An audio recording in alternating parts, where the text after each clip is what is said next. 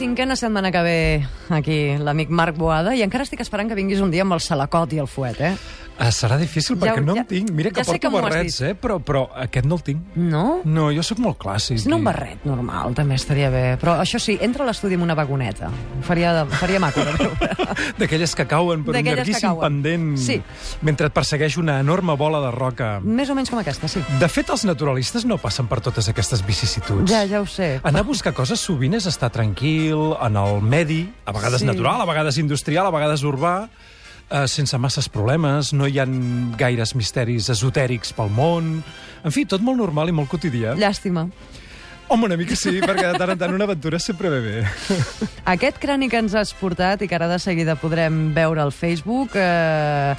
Deixa'm recapitular primer. La setmana passada ens vas portar un objecte estrany, que era un sedici. Me la vaig aprendre, eh, aquesta paraula. sí. Que era aquella mena de ferida que se li feia a l'arbre quan s'hi posava determinat insecte. I avui tenim al damunt de la taula de l'estudi de Catalunya Ràdio una cosa molt més reconeixible, ara ens ho deies, és un crani d'ocell, realment té la forma de crani. Deu fer què? Uns 12, Sí. 15, menys de 15 12 centímetres és una mida força precisa. i un bec que de debò, que perquè Sí. la bèstia és morta, eh? Però és que, per morta que sigui, si això em cau de punta al peu, em farà pupeta. Sí, és molt esmolat, esmoladíssim. I a, a, la- aquelles persones que hagin visitat, per exemple, aquí a casa nostra, algun lloc on es pot interactuar directament amb aus rapinyaires o amb grans ocells, eh, quan el tens viu a la mà, que a mi em va passar una vegada, realment et quedes una mica corprès veient aquest bec perillosíssim i que, vaja, ja et fa intuir que si et pessiga tindràs un problema greu. Però és que només que em pessigui sense voler, em pot fer molt sí. de mal. Sí, sí, sí. Per això les persones que es dediquen a les aus rapinyaires porten aquells guants d'un cuir superresistent que els hi permet protegir-se d'aquests ocells que, per una altra banda, tampoc tenen cap mena de mala fe. No, però de vegades no, no apunten. Escolta'm, el propietari d'aquest crani, quina mena de bèstia era? El propietari o propietària d'aquest crani Això no podem- bellíssim... no podem saber? No, eh, almenys jo no. Uh -huh. uh, diguem que tot coneixement té limitacions i Sí. les meves són moltíssimes. jo sé que això és un crani d'una de les aus eh, probablement més espectaculars que podem veure al cel de casa nostra i que a més podem observar el cel amb més comoditat perquè estem parlant del voltor comú. Mira, ara el sentim fins i tot. Dóna'm mal rotllo això, Escolta, sincerament. i el tècnic, que ara he oblidat el nom, eh, que tenim aquí darrere la peixera, quedaré molt Li pots dir malament. per qualsevol nom que respondrà, però es diu Enric. Doncs l'Enric s'ho ha treballat moltíssim. Jo vaig posar aquí en el guió que calia sentir soroll de rapinyaires, però ell m'ha buscat el soroll exacte del voltor comú, que és aquest que estem sentint. I que seria el que podríem sentir si ens acostéssim en alguna de les diferents àrees de Catalunya on hi podem trobar aquests voltors que decoren els nostres cels. Però si sentim el voltor cridant d'aquesta manera és perquè té alguna cosa que l'agita, no? Vull dir, és perquè està a punt de, de trobar menjar o, o s'ho pensa. O s'ho pensa... De fet, és un animal relativament gregari. El voltor pot ser una bèstia solitària. N'hi ha alguns que han aconseguit anar a llocs on no hi viuen normalment, s'hi han instal·lat i viuen pràcticament en solitari, però el més normal és que visquin en colònia i entre ells interactuen i es comuniquen amb aquests uh, crits, que no sabria molt bé com descriure, els hem sentit tots, i per tant en les colònies, sobretot doncs, si a prop hi ha teca o van a menjar, etc., tots ells fan aquest brugit d'una manera més marcada. No necessàriament ens han d'estar pessigant una cama. No, Eh? sobretot si són vius, no? Perquè em sembla que el voltor s'alimenta de, de, de feina ja feta, diguem. De feina ja feta és l'au necròfaga, per excel·lència. Sí, és una au carronyaire, Uh, menja matèria morta en descomposició, cosa que li facilita també a les seves funcions. No? Els bacteris ja han passat per allà i han fet una predigestió. No? És una cosa com una mica fermentada. I, per tant, ells, eh, llavors, uh, diguem, amb aquest bec poden arrencar bocins de teixits i anar-se'ls cruspint. Ja sabem que sobre gustos no hi ha res escrit i els gustos del voltor són, són molt dubtables i, a més, el seu cos s'ha adaptat. Fixem-nos que té el cap completament pelat Sí, i, i això ho veritat. fa perquè no s'embruti massa. En el fons també és una bèstia polida i així pot, eh, diguem, posar-se el caparronet dintre de la cavitat abdominal de la bèstia que es menja. Mm. Intentaré no ser molt descriptiu. No, perquè Eh? nosaltres acabem de dinar, molta Sí. gent potser està dinant ara en aquest moment, potser tenen un tall de carn davant, saps què vull dir? No. És que No estic mirant aquest bec, estic veient aquest bec, la curvatura que té cap a baix, això és una màquina de tallar perfecta. I tant, i tant, i tant. I a més té aquesta, eh, dintre del bec, aquí el que veiem és aquesta mena d'ungla, aquesta cosa còrnia, eh, exterior, uh, però dintre té un os perfectament reforçat que el sustenta. Jo no he tret la funda perquè precisament és una de les coses que li dona, diguem, aquest caràcter tan ah, és a dir, agressiu. aquesta diferència de color que hi ha... Uh -huh. Clar, tenim el crani pelat, òbviament, aquesta bèstia va dir adeu fa, fa, fa uns anyets, el crani seria de color os, el que tots coneixem com a color os, color blanc, però en canvi el bec té aquest color marronós. Sí, és un color més marró, més ambre, fins i tot amb aquest reflex uh, de l'ambre, i, és, i és, en el fons és proteïna similar a la de la ungla o la del pèl, i això, eh, a més, es va renovant, i és el que li permet tenir el bec sempre perfectament esmolat i a punt de fer la feina. I això no ho vas trobar, Marc? Aquest és Pallarès. Pallarès. Jo sóc un enamorat de Catalunya. No sé com no li he notat per l'accent, ara que dius. Sí, uh, uh, uh, uh, se li hauria de notar una mica, però de fet tots els uh, voltors són similars. El Pallars és un territori, tant el Pallars Jussà com el Sobirà, farcit de tresors naturals, i un dia, diguem, prospectant aquella zona, sense pensar en els voltors que eren al cel, doncs em vaig trobar l'esquelet d'un, que per cert encara no estava totalment net, mm. i vaig decidir... Qui l'havia de netejar, per cert? Els el... bacteris i els cucs i totes no aquestes eren altres coses. voltors.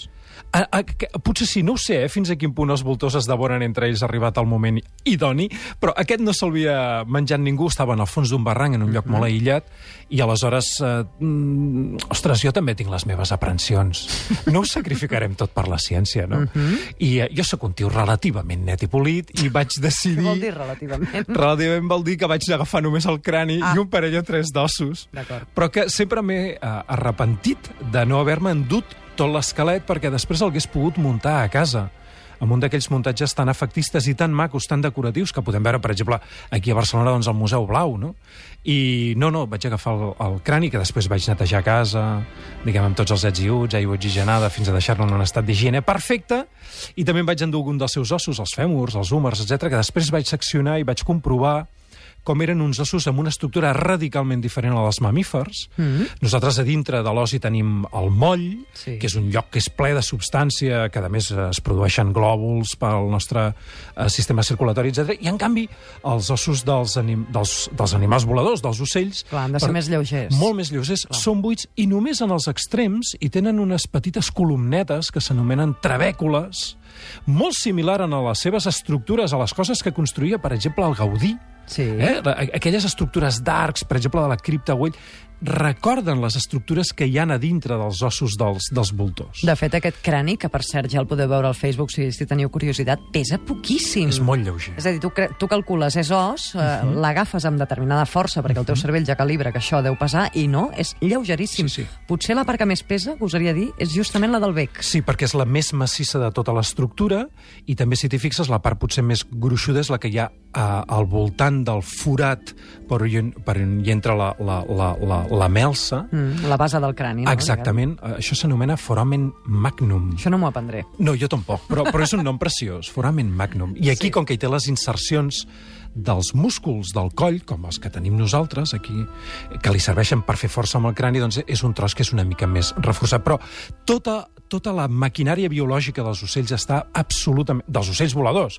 En una gallina seria un cas molt diferent, en un estrus també, no? Mm -hmm. Però d'aquests està molt adaptada precisament per la lleugeresa imprescindible per volar. I per on es mouen aquestes bèsties? I, i, i se m'està acudint una altra cosa. Són originàries d'aquí o han vingut d'alguna altra part del planeta?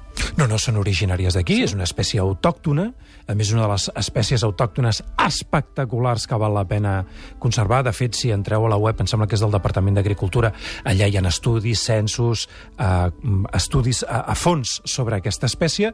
Nosaltres sempre hem pensat... Jo, de fet, em pensava que quan era petit, estic parlant del paleolític inferior, doncs que els voltors només vivien a l'Àfrica. Però no, no, és una espècie sud-europea, en aquest cas ibèrica, no només tenim aquesta espècie, també tenim el, el voltor negre, que és fins i tot un pèl més gros que el voltor comú, i Quan tenim el faria trencalops. d'envergadura? Perquè ara estic veient aquest crani de, de 12 centímetres de llarg, només el crani, però per tant la bèstia... Més de d'en- dos metres. D'envergadura de punta Sí, a punta de sí, l'ala? sí, sí, Mare de sí. Déu, quina por. Sí, sí, sí, és molt grossa, i fins i tot aquelles plomes que tenen als extrems de les ales... Encara fa que sigui més llarga. Exacte, i fan, eh, aquelles plomes fan bastant més de 50 centímetres. Estem parlant de grans estructures pensades per un vol de planeig, no un vol de batuda, perquè moure aquestes ales necessitaria... Un... Ho fan, eh? però al mínim possible necessitaria moltíssima energia, i ells són molt estalviadors. Enlairar un, un, un, un animal que pesa uns quants quilos i que té aquestes dimensions costa, i per tant ells intenten sempre aprofitar, diguem, els relleus rocosos per llançar-se al vol, minimitzar l'esforç... És una bèstia de vida tranquil·la, no s'estressa. Estalviar, estalviar energia, Estalviar energia. gastar la mínima possible... Són sostenibles. Avui amb en Marc Boada, com cada dimecres, posem en marxa el nostre buscador.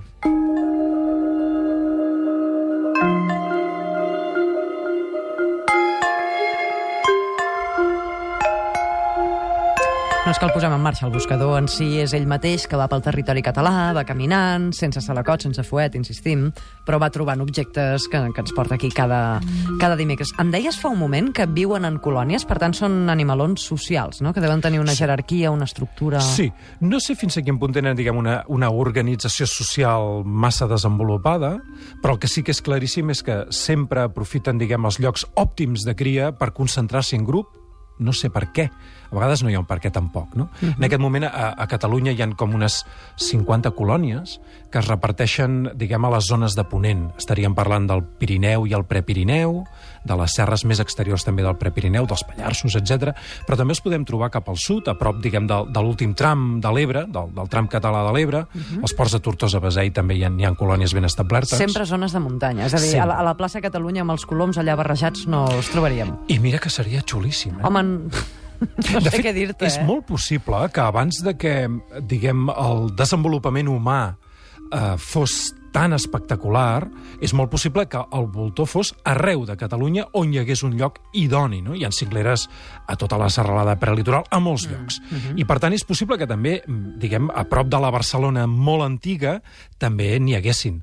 El que passa és que el voltor d'alguna manera també havia entrat en competència amb nosaltres i durant molt temps es va, va ser, diguem, moda, en el pitjor sentit de la paraula, fet de posar-hi paranys enverinats perquè deien doncs, que es podien menjar uh, algun bé petit o, o alguna bestiola de granja de, de mida petitona mm -hmm. i que ells anaven i se'l cruspien directament. Evidentment, aquestes pràctiques avui Però en se la dia... devien cruspir si era morta, no? No ho sé, mm. però els humans són molt bèsties, eh? Tot allò sí. que menja, que és a prop de nosaltres, no ho volem, o no ho volíem. Ara que som una mica més civilitzats, encara no prou. Una mica. Una mica més. Home, doncs... segons, segons l'ou del Carbonell encara no som humans. I té una bona part de raó, sí. eh? Gran llibre. I té una bona part de raó. Encara ens hi hem d'esforçar més. Potser una, una de la, dels símptomes de que ens estem civilitzant una mica i que ens estem humanitzant una mica és que precisament tenim programes de protecció d'animals com aquest tan excepcionals i que a més permeten veure aquestes imatges que jo d'alguna manera sempre tinc una mica en mente al Pallars a primera hora al matí amb aquella fresqueta en el que els voltors comencen a prendre el vol i sents el frec de les ales amb l'aire i tot aquell misticisme que té, diguem, el medi natural. I estic pensant, ara potser descobreixo la sopa d'all, eh, que el nom de voltor li deu venir de, de la manera com vola. És a dir, fent aquells cercles, voltant, quan veuen una, una presa morta eh, o que potser l'està menjant alguna altra bèstia. Uh -huh. De fet, aquestes voltes la, les fan no només per inspeccionar el terreny, sinó també perquè és la seva manera de prendre alçada. El voltor, ja ho deia abans, eh, intenta no batre massa les ales, perquè això mm, seria un gran dispendi energètic, i aleshores el que fa és aprofitar els corrents tèrmics, uh -huh. que també són especialment favorables on hi ha cingleres, i, lla, i, i ell, com ho faria una ala delta, va traçant aquesta espiral i a poc a poc va guanyant metres d'alçada, no oblidem que els ocells, i en aquest crani ho veiem perfectament, són animals fonamentalment visuals i, per tant, estar molt en l'aire els hi permet veure, sense perdre detall, diguem-ho així, grans extensions de terreny i detectar possibles fonts d'aliment. Mm -hmm. Fixa't que en el crani potser la meitat és ocupat per les fosses oculars. Sí, eh? i t'anava a dir, i veig molt poquet espai pel que hauria de ser el cervell. Sí.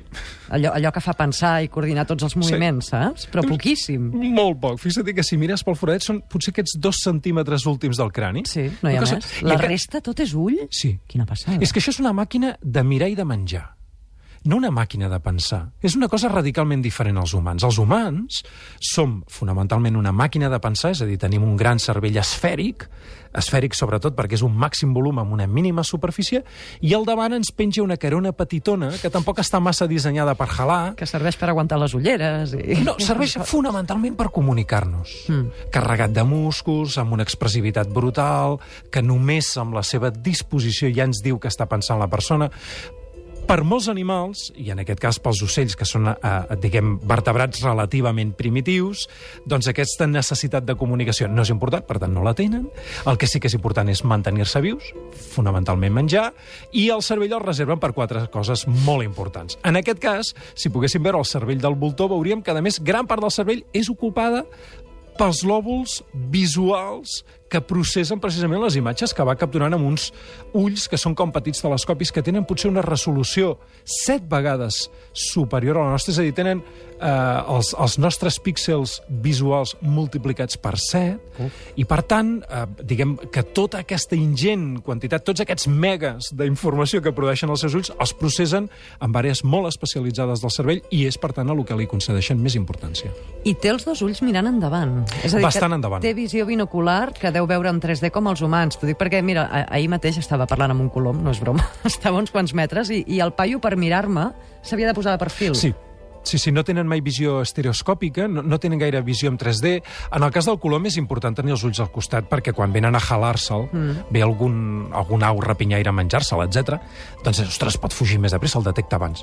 Això difícilment li passa a un voltor, mm -hmm. que està molt més, eh, diguem, per la mida, protegit d'altres bestioles que puguin haver-hi, i per tant ha pogut mantenir la disposició frontal o més frontal dels ulls, millor visió binocular, millor estimació de les distàncies, eh, millor estereopsis del món tridimensional en el, que, en el que viuen els ocells. Per nosaltres, els humans, això és una locura. Nosaltres sí. som animals bidimensionals, ens movem per terra. D'acord que agafem l'avió, eh? Però sí, però no és una cosa natural, diguem No és el mateix.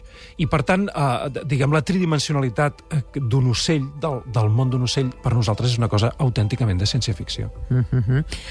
Descendents dels dinosaures, dèiem un dia. Jo ara veient el crani dius, mm, sí, segur, vols dir? A quin sí. dinosaures deu semblar això?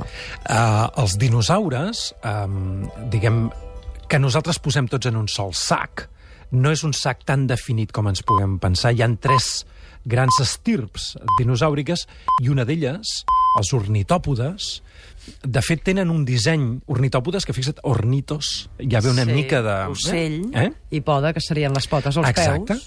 I és perquè els dinosaures d'aquest tipus ja tenen la cadera i les cames amb la mateixa disposició que podem veure jo em miro les gallines de casa i són minidinosaures. Ahir me'n van regalar un parell de pota blava fantàstica, petitones i jovenetes, que tenien les potes molt grosses i eren potes de dinosaure mmm, el mateix disseny, de base, el mateix disseny. De fet, si ens mirem detingudament l'estructura craneal d'un ocell més primitiu que no pas el voltor, que està molt, diguem, molt evolucionat i molt canviat, reconeixem eh, l'estil dinosàuric de fer les coses. Fins i tot el seu propi comportament és un comportament bastant dinosàuric. No és gens dinosauric tot el que ens explica en Marc Boada cada dimecres. Escolta, Marc, la setmana que ve què, què ens portaràs? La setmana... O, o encara ho has de trobar? Ah, ah, no, no, ho tinc llistat, eh? El que passa és que estic pensant en trencar motlles i per mm -hmm. comptes d'anar a buscar coses interessants un dia, eh? diguem, seria l'excepció, al món natural, anar a buscar-les al món artificial o tecnològic o humà, etc. Mm, mm. Doncs la setmana que ve, la resolució d'aquest enigma que acabem de plantejar. Fem ara una petita aturada per la publicitat i de seguida arriba la Maria Rovira. Et quedes, eh, a parlar de dansa? I fins ara. Surta que és estiu i demostra que estàs viu. Aquí és estiu. Aquí, Catalunya Ràdio.